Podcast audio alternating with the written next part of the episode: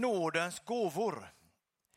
Eh, och eh, nådens gåvor. Jag tänkte jag skulle gå igenom lite de här olika verserna som vi läste här, eller som läses här ifrån Romarbrevet 12, 3-8. Så ska vi gå igenom lite eh, hur vi kan tänka och hur vi kan fundera lite kring de här gåvorna. Och i, eh, i vers 3 eh, som det börjar med så står det så här. I kraft av den nåd jag har fått säger jag till var och en av er, ha inte för höga tankar om er själva, utan tänk som man bör tänka med självbesinning, så att var och en rättar sig efter det mått av tro som Gud har tilldelat honom. Eh, jag har två barn hemma. Snart har vi tre i september. Men än så länge har vi två. Och eh, i vår familj, när vi ska eh, dela upp saker, det är en maktkamp hemma, många gånger. För att när vi ska ha, eh, vi säger att vi ska äta mat i vår familj. För det första är det ett under bara att alla sätter sig ner och äter tillsammans. Och det är liksom få, få ihop den. Och när vi sitter där så ska vi hälla upp eh, saft eller dricka till barnen. Och då uppstår alltid den här dragningskampen. Kanske att du inte, ni ser lite förvånade ut. Ni känner inte igen det här alls, tänker jag. Nej, eller hur? Men då är det så här, då häller jag upp till min dotter och då direkt så är många alltså hemma så, då, då för de glasen ihop så här, va? Och så börjar de att mäta liksom. Vem har mest och vem har minst? Och så börjar man att mäta glasen. Så här. Och det är, det är, nästan varje gång det är så. Och, så. och så får den ena ska få glass och den andra fick en större glass och jag fick en mindre glass och jag ska ha två glassar. Och så, och så uppstår sådana här grejer hela tiden. Man mäter sig. Det är ständigt mätande hela tiden. Han fick mer chips, hon fick mer godis och sådär. Va? Så är det väldigt ofta i vår familj. Barn vill att det ska vara lika. Man vill att det ska vara lika, jämnt fördelat.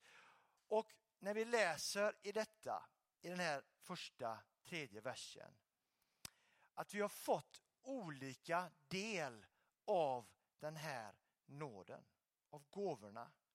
Det innebär inte att många tänker sig att vi har fått olika mängd av tro. Det är inte det det handlar om. Utan det handlar om att vi har fått olika typer, som du var inne på här. Vi har fått olika gåvor helt enkelt i våran vågskål. Det handlar alltså inte om att vi har fått mer eller mindre gåvor. Gud delar upp gåvorna. Men han gör det olika. Vi blir tilldelade olika gåvor helt enkelt. Men det är samma mängd. Vi behöver aldrig sätta ihop det i en församling och tänka att men den har ju fått mera och jag har fått mindre. Det är inte så det funkar i kristen tro. Om du frågar mig i alla fall hur jag läser den här bibeltexten. Det handlar inte om att den ena har fått mer eller mindre utan vi har fått olika bara. Det innebär alltså helt enkelt att den ena har fått mjölk och den andra har fått juice. Så kan det se ut på vårt matbord. Man har fått olika i sitt glas. Eh, och eh, det här med självbesinningen då som kommer i vers 3. Jag tycker att det är underbart. För det behöver vi alla på något sätt. Vi behöver alla gå till oss själva och tänka över min självbesinning. Att inte liksom brusa upp över att den fick mjölk och den fick juice. Utan att vi har fått olika gåvor. Och det som är mitt glas, det är min gåva. Och den kan jag få ge till andra. Eh, och i det här med självbe, be, självbesinningen. Eh, jag kan bara gå till min egen spegel Alltså jag klarar inte av allt. Och ibland kan man titta på människor som har fantastiska gåvor och tänka, jag skulle vilja ha lite mer av den gåvan. Det är lätt att tänka så i en församling och i det kristna livet. Men så är inte tanken. Tanken är att du ska förvalta den gåvan som du har och inte försöka göra dig annorlunda för att du tror och tänker att det är så det funkar att vara kristen. Jag tycker att vi ska hålla oss till den gåvan vi har fått. Man kan få flera gåvor. Vi kan, få, vi kan vara bra på många saker. Men vi ska hålla oss till det som är våran gåva. Det vi är bra på. Den spik du har blivit tilldelad, hamra på den. Slå inte på någon annans spik. Det är det som är självbesinningen. Och så tycker jag det är så underbart i texten att det står så här. Ha inte för höga tankar om er själva. Alltså, vi kan inte tänka att våran gåva är bäst. Det är min gåva som betyder mest. Utan inte ha för höga tankar om den gåvan du har. Den är till för församlingen. Den ska vara till godo till församlingen. Det är inte för att du är bättre än någon annan. Och det är så härligt att han är så tydlig tycker jag. För då behöver vi inte fundera på det. För att Gud, han har tilldelat oss de gåvor som vi har. De är våra som vi ska ha till del till andra. Och ha självbesinning här. Din gåva är inte mer värd än någon annans gåva. Så tänker jag om vers 3. Vad har vi lärt oss av vers 3? Jo, att måttet vi läser om inte är ojämnt fördelat utan jämnt fördelat. Det innebär att du ska använda det som ligger i ditt mått. Använd den gåvan. Slå på den spiken. Låt den få komma till välsignelse i vår församling. Vi ska snart gå in lite på gåvorna, vad som finns. Det finns massa mer gåvor. Att inte försöka göra saker bara för att du tror att det är bättre och att det ser bättre ut. Och att det är av mer värde. Det är inte så. Utan den gåvan du har är fullt god i vår församling och i det kristna livet. Utveckla den. Slå på den. Använd den. Låt den få komma till oss i församlingen till välsignelse. Och så vers 4 och 5. Ty liksom vi har en enda kropp med många lemmar, alla med olika uppgifter, så utgör vi, fast många, en enda kropp i Kristus. Men var, eh, men var för sig är vi lemmar som är till för varandra. Eh, det är mycket enkelt egentligen detta. Eh, det går inte att göra saft utan vatten. Ah, det kan man göra, men det kanske inte kallas för saft. Jag vet inte vad, man, var gränsen går för att kalla någonting för saft i och för sig. Det kanske någon kunde vet exakt när den gränsen går. Men om man ska ha eh, saft så behöver man, nu är ju denna liksom, eh, den är färdigblandad, men vi låtsas att den inte är det. Att det bara är koncentrat, heter det så? Koncentrat? Ja. Det är bara koncentrat här och så har vi vatten här. Det kristna livet och de gåvor vi har, det handlar om att hitta en balans i en församling. Så det är ganska enkelt egentligen. Eh, det går inte att göra saft av bara koncentratet. Det blir för starkt. Det är inte alla som fixar det, helt enkelt. Det blir för, det blir för, för tungt att dricka. Vi kan inte heller göra eh, saft eh, liksom, eh, utan vatten. Eller hur? Det funkar ju inte, det blir för starkt då, eller hur? Och, och man kan inte göra eh, saft utan extraktet, eller, det här koncentratet. Det, blir, det går inte att göra saft utan det. För då blir det för svagt. Det går inte heller. Så vi måste hitta en balans i detta med våra gåvor. Saft utan vatten blir alldeles för starkt. Men blir det för mycket av vatten så blir, det, så blir det för svagt. Det funkar inte i det kristna livet. Vi behöver hitta en balans i de här gåvorna. Vi behöver hitta en balans där vi alla kan samverka. Där vi alla kan få vara med och bidra för att hitta den här balansen. Och vi tänker och tycker om olika gåvor olika. En del gillar när det blir starkt. En del gillar när det är lite mer svagt. Det finns ingen värdering i detta. Men vi är väldigt olika. En del gillar jättestark saft. En del gillar lite svagare saft. Ingen värdering, utan vi bara tänker och tycker olika i våra gåvor vad vi gillar. Det är inte konstigare än så. Men vi behöver hitta den här balansen. För vi kan inte bara ha det här. Och vi kan inte bara ha detta. Utan vi måste hitta en balans i detta med våra gåvor. Eh, så i vers 4 och 5, vi har olika gåvor. Vi har olika saker att bidra med i en sån här församling. Vi har olika lemmar där vi kan få vara med och bidra med. Och Vi har alla en uppgift. Och här handlar det om att hitta den här balansen. För att få en församling att fungera. Jag ska gå in lite senare på det. För det handlar om att få en församling att fungera med alla gåvor. Och vi är till för varandra. Vi är till för varandra. Det glömmer vi ibland bort. Vi är till som församling i fjällstugan för varandra. Vi finns för varandra. För att hitta den här balansen i våra kristna liv och i vår församling. Alla behövs. Vi behöver det här och vi behöver det här. Och så behöver vi hitta en balans i detta. Vad har vi lärt oss? Jo, att blandningen är till vår fördel. Det är till vår fördel att vi blandar, att vi hittar, att, vi, att det faktiskt innebär att vi gillar, en del gillar starkare saft och en del gillar svagare saft. Men när vi hittar en bra blandning så kommer det bli jättebra. Inte perfekt. Det kommer alltid finnas några som tycker att ah, det var lite för lite saft. Det ska vara lite mer. Det var lite för mycket vatten. Det ska vara lite mer vatten. Det kommer alltid finnas det. Jag kommer alltid ha det i mitt liv. Vi kommer aldrig bli nöjda vänner. Vi kommer aldrig bli nöjda.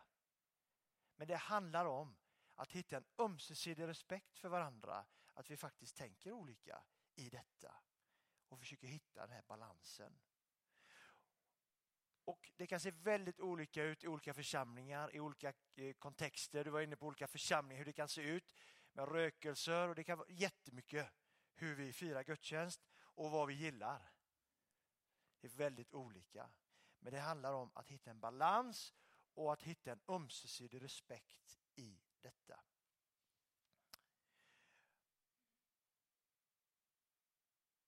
I vers 6. Vi har alla olika gåvor allt efter den nåd vi har fått.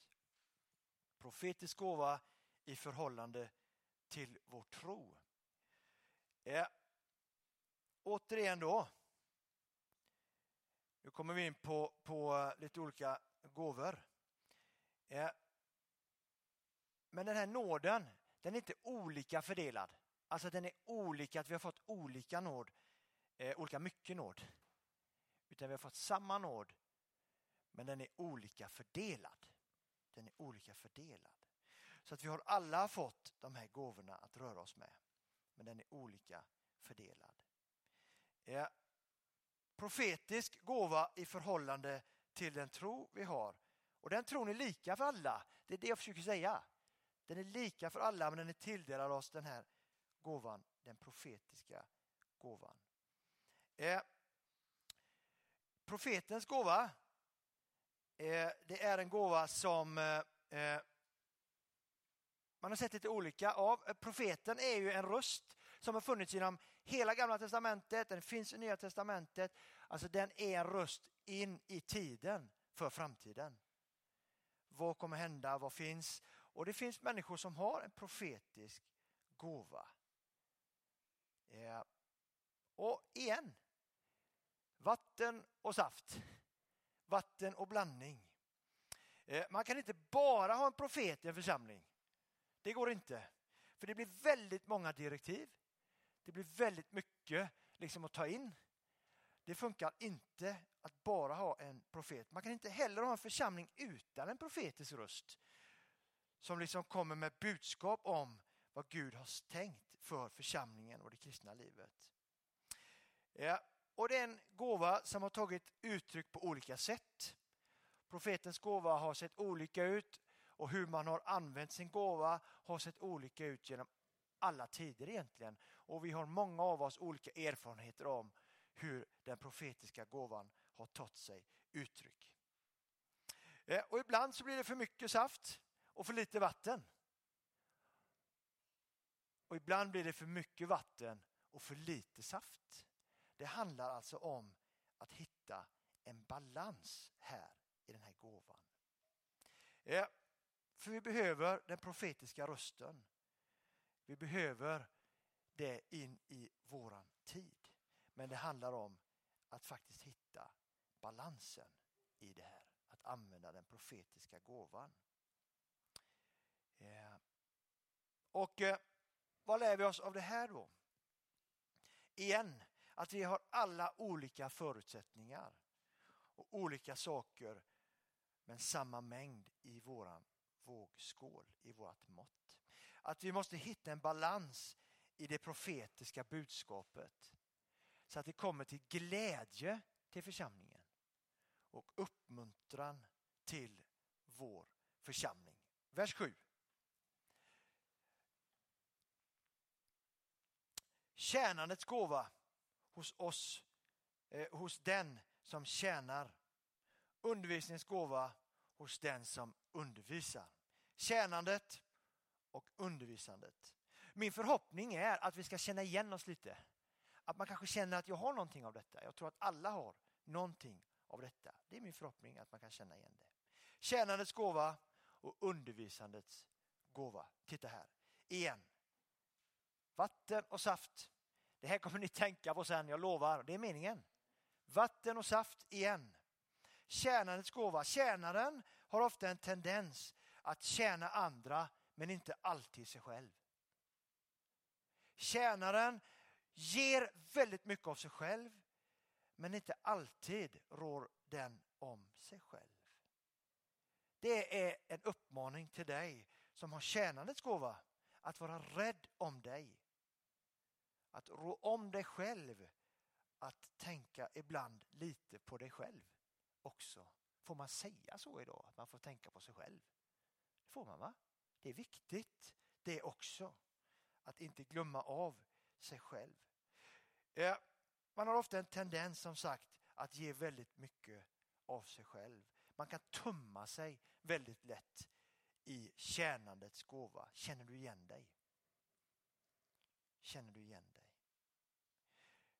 Du vill så väl, men du glömmer lätt din vågskål. Du vill så väl, du vill så mycket och du tummer dig väldigt lätt. Och ibland så går det till en gräns när du tummer din vågskål helt. Det gäller att hitta en balans här mellan hur du blandar din saft. En tjänare ser ofta saker runt omkring sig och går gärna en extra mil för att hjälpa till. Var rädd om dig. Vi behöver dig i vår församling. Vi behöver tjänaren. Vi behöver er som på så många olika sätt är med och tjänar i olika gåvor. Om det är praktiskt eller på andra sätt är med och hjälper till. Tänk på vatten och saft. Att blanda. Om du häller upp för mycket eller för lite så kommer det innebära saker i ditt liv och för vår församling. Ta inte slut på dig. Undervisningens gåva. Man kan ju undervisa på olika sätt. Det här är ett sätt att undervisa, att predika. Man kan undervisa på många olika sätt i en församling och i det kristna livet.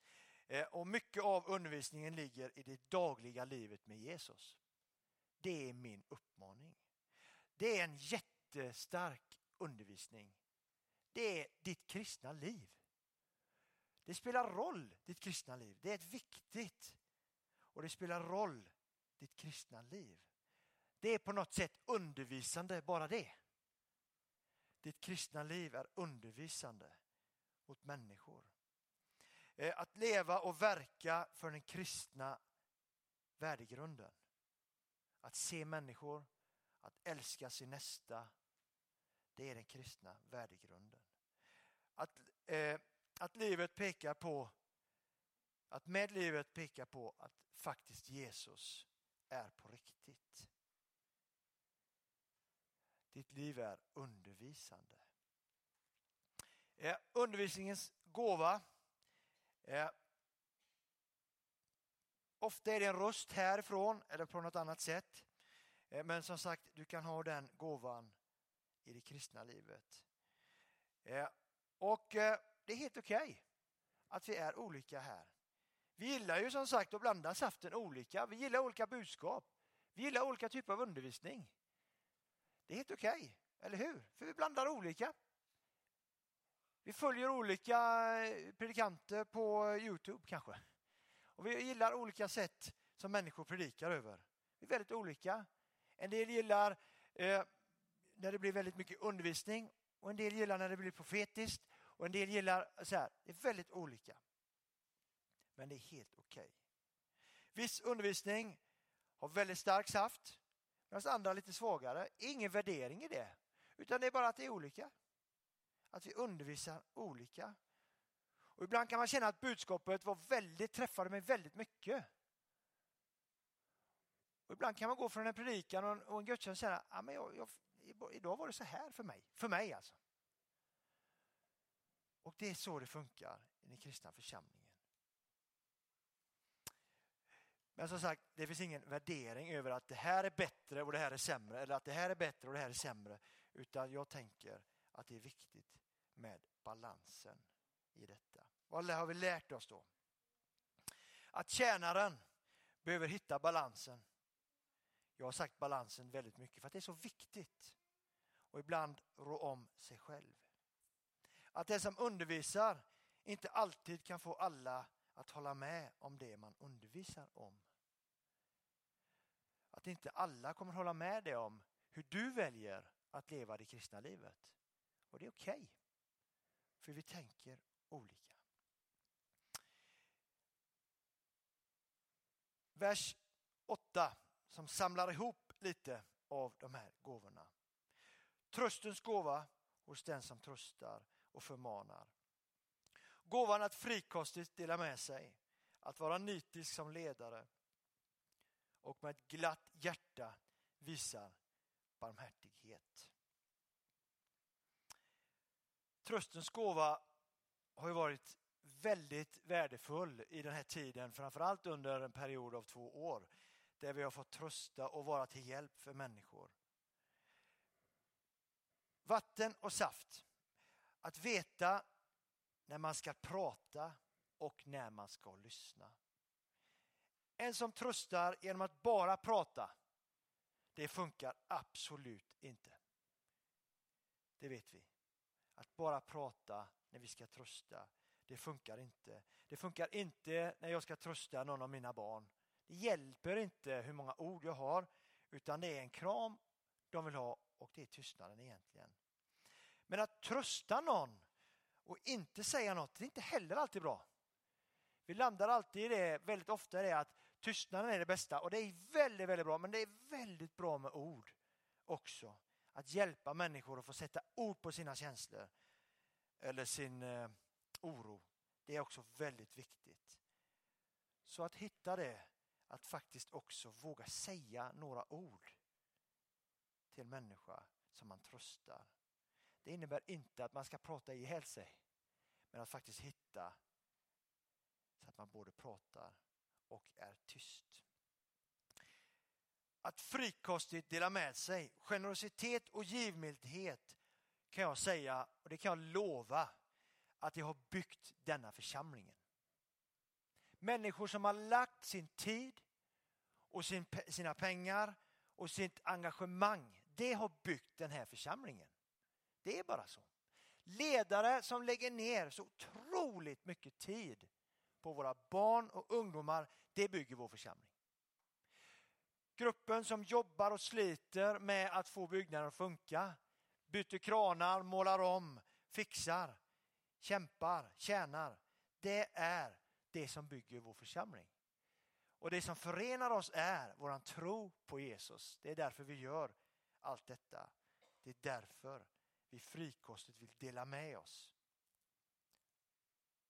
Och om det är något av dessa gåvorna som jag skulle vilja lägga lite, inte värdering kanske, men lite mera fokus på, så är det just detta. För jag tycker faktiskt ibland att vi kan fundera lite av hur vi blandar. För kolla här. Eh, I vår församling, vi har många medlemmar i vår församling. Vi har många medlemmar i vår församling.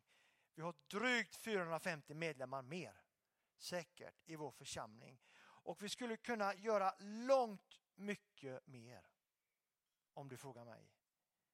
Vi skulle kunna få mycket mer engagemang i vår församling när det gäller våra barn och ungdomar, när det gäller ledare, när det gäller engagemang på olika sätt. Det har vi pratat om väldigt mycket. Och jag tänker om vi är en sån här stor församling så är det ett under nästan på att säga, men det är helt otroligt faktiskt att vi inte kan få fler ledare som engagerar sig. Jag tycker att vi behöver se oss själva i spegeln.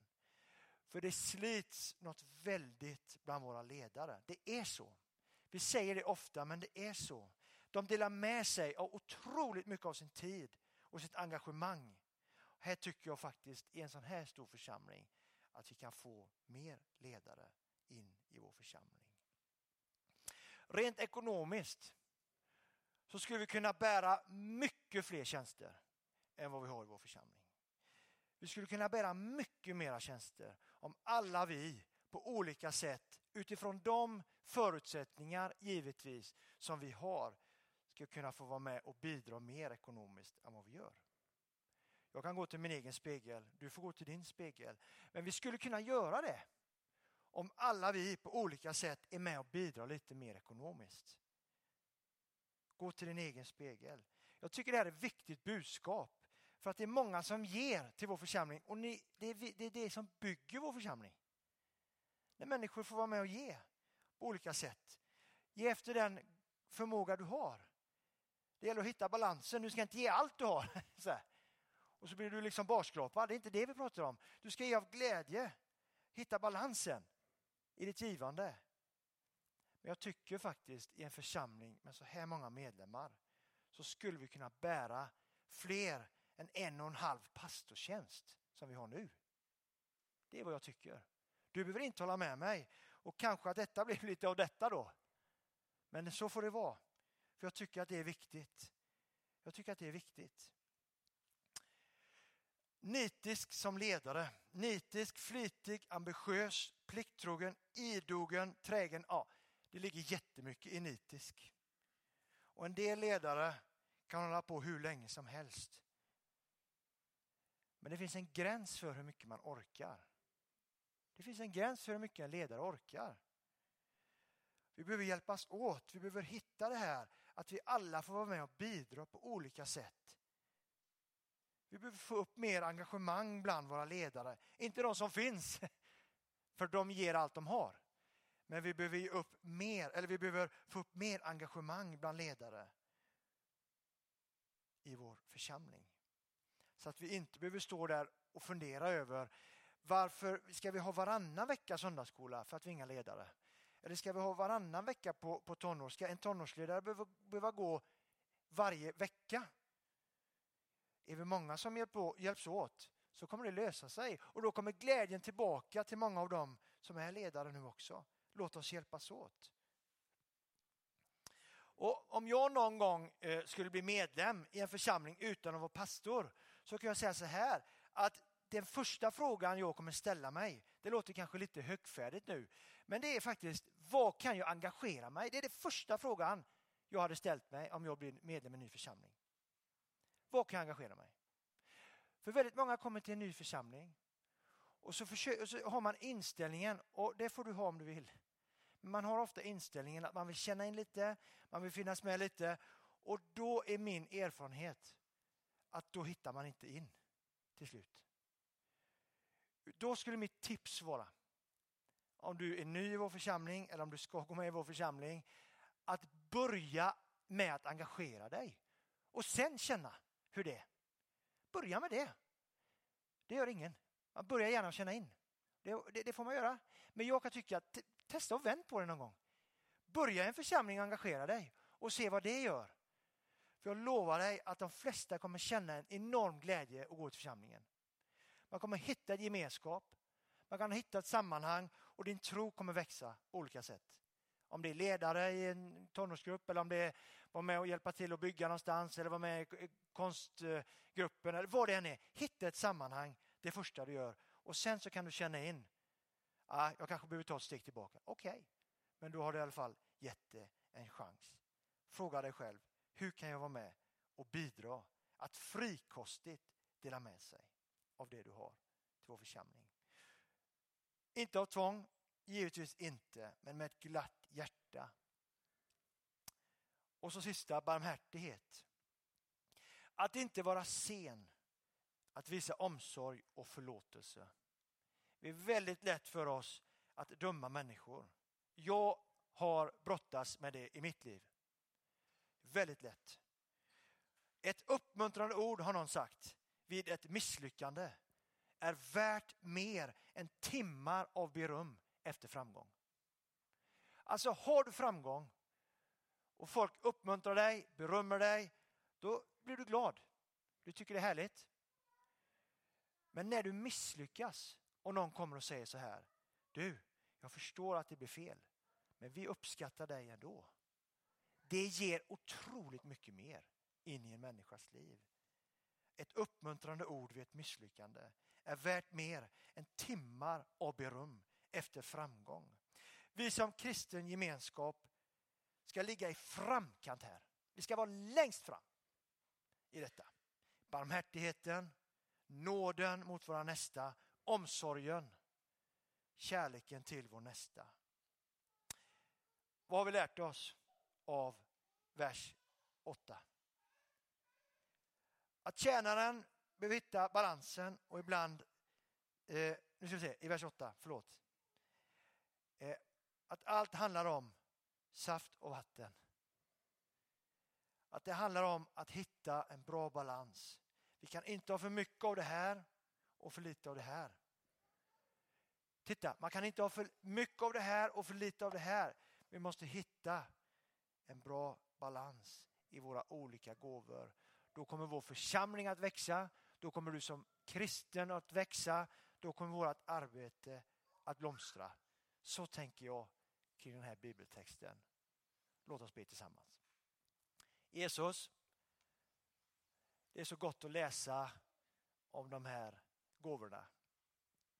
Det är också så gott Jesus att du säger till oss att vara självbesinniga. Att inse att min gåva inte är värt mer än någon annans. Och någon annans gåva är inte värt mer än min, utan att jag får faktiskt tillsammans får vi hitta en balans. Att några får måla och snickra och bygga och några får prata och några får göra konst och några får vara med i olika ansvarsgrupper, ta ansvar, fika, allt. För att detta ska fungera Jesus. Vi tackar dig för det. Och tack för att det är nåd att få vara med, att det är gratis.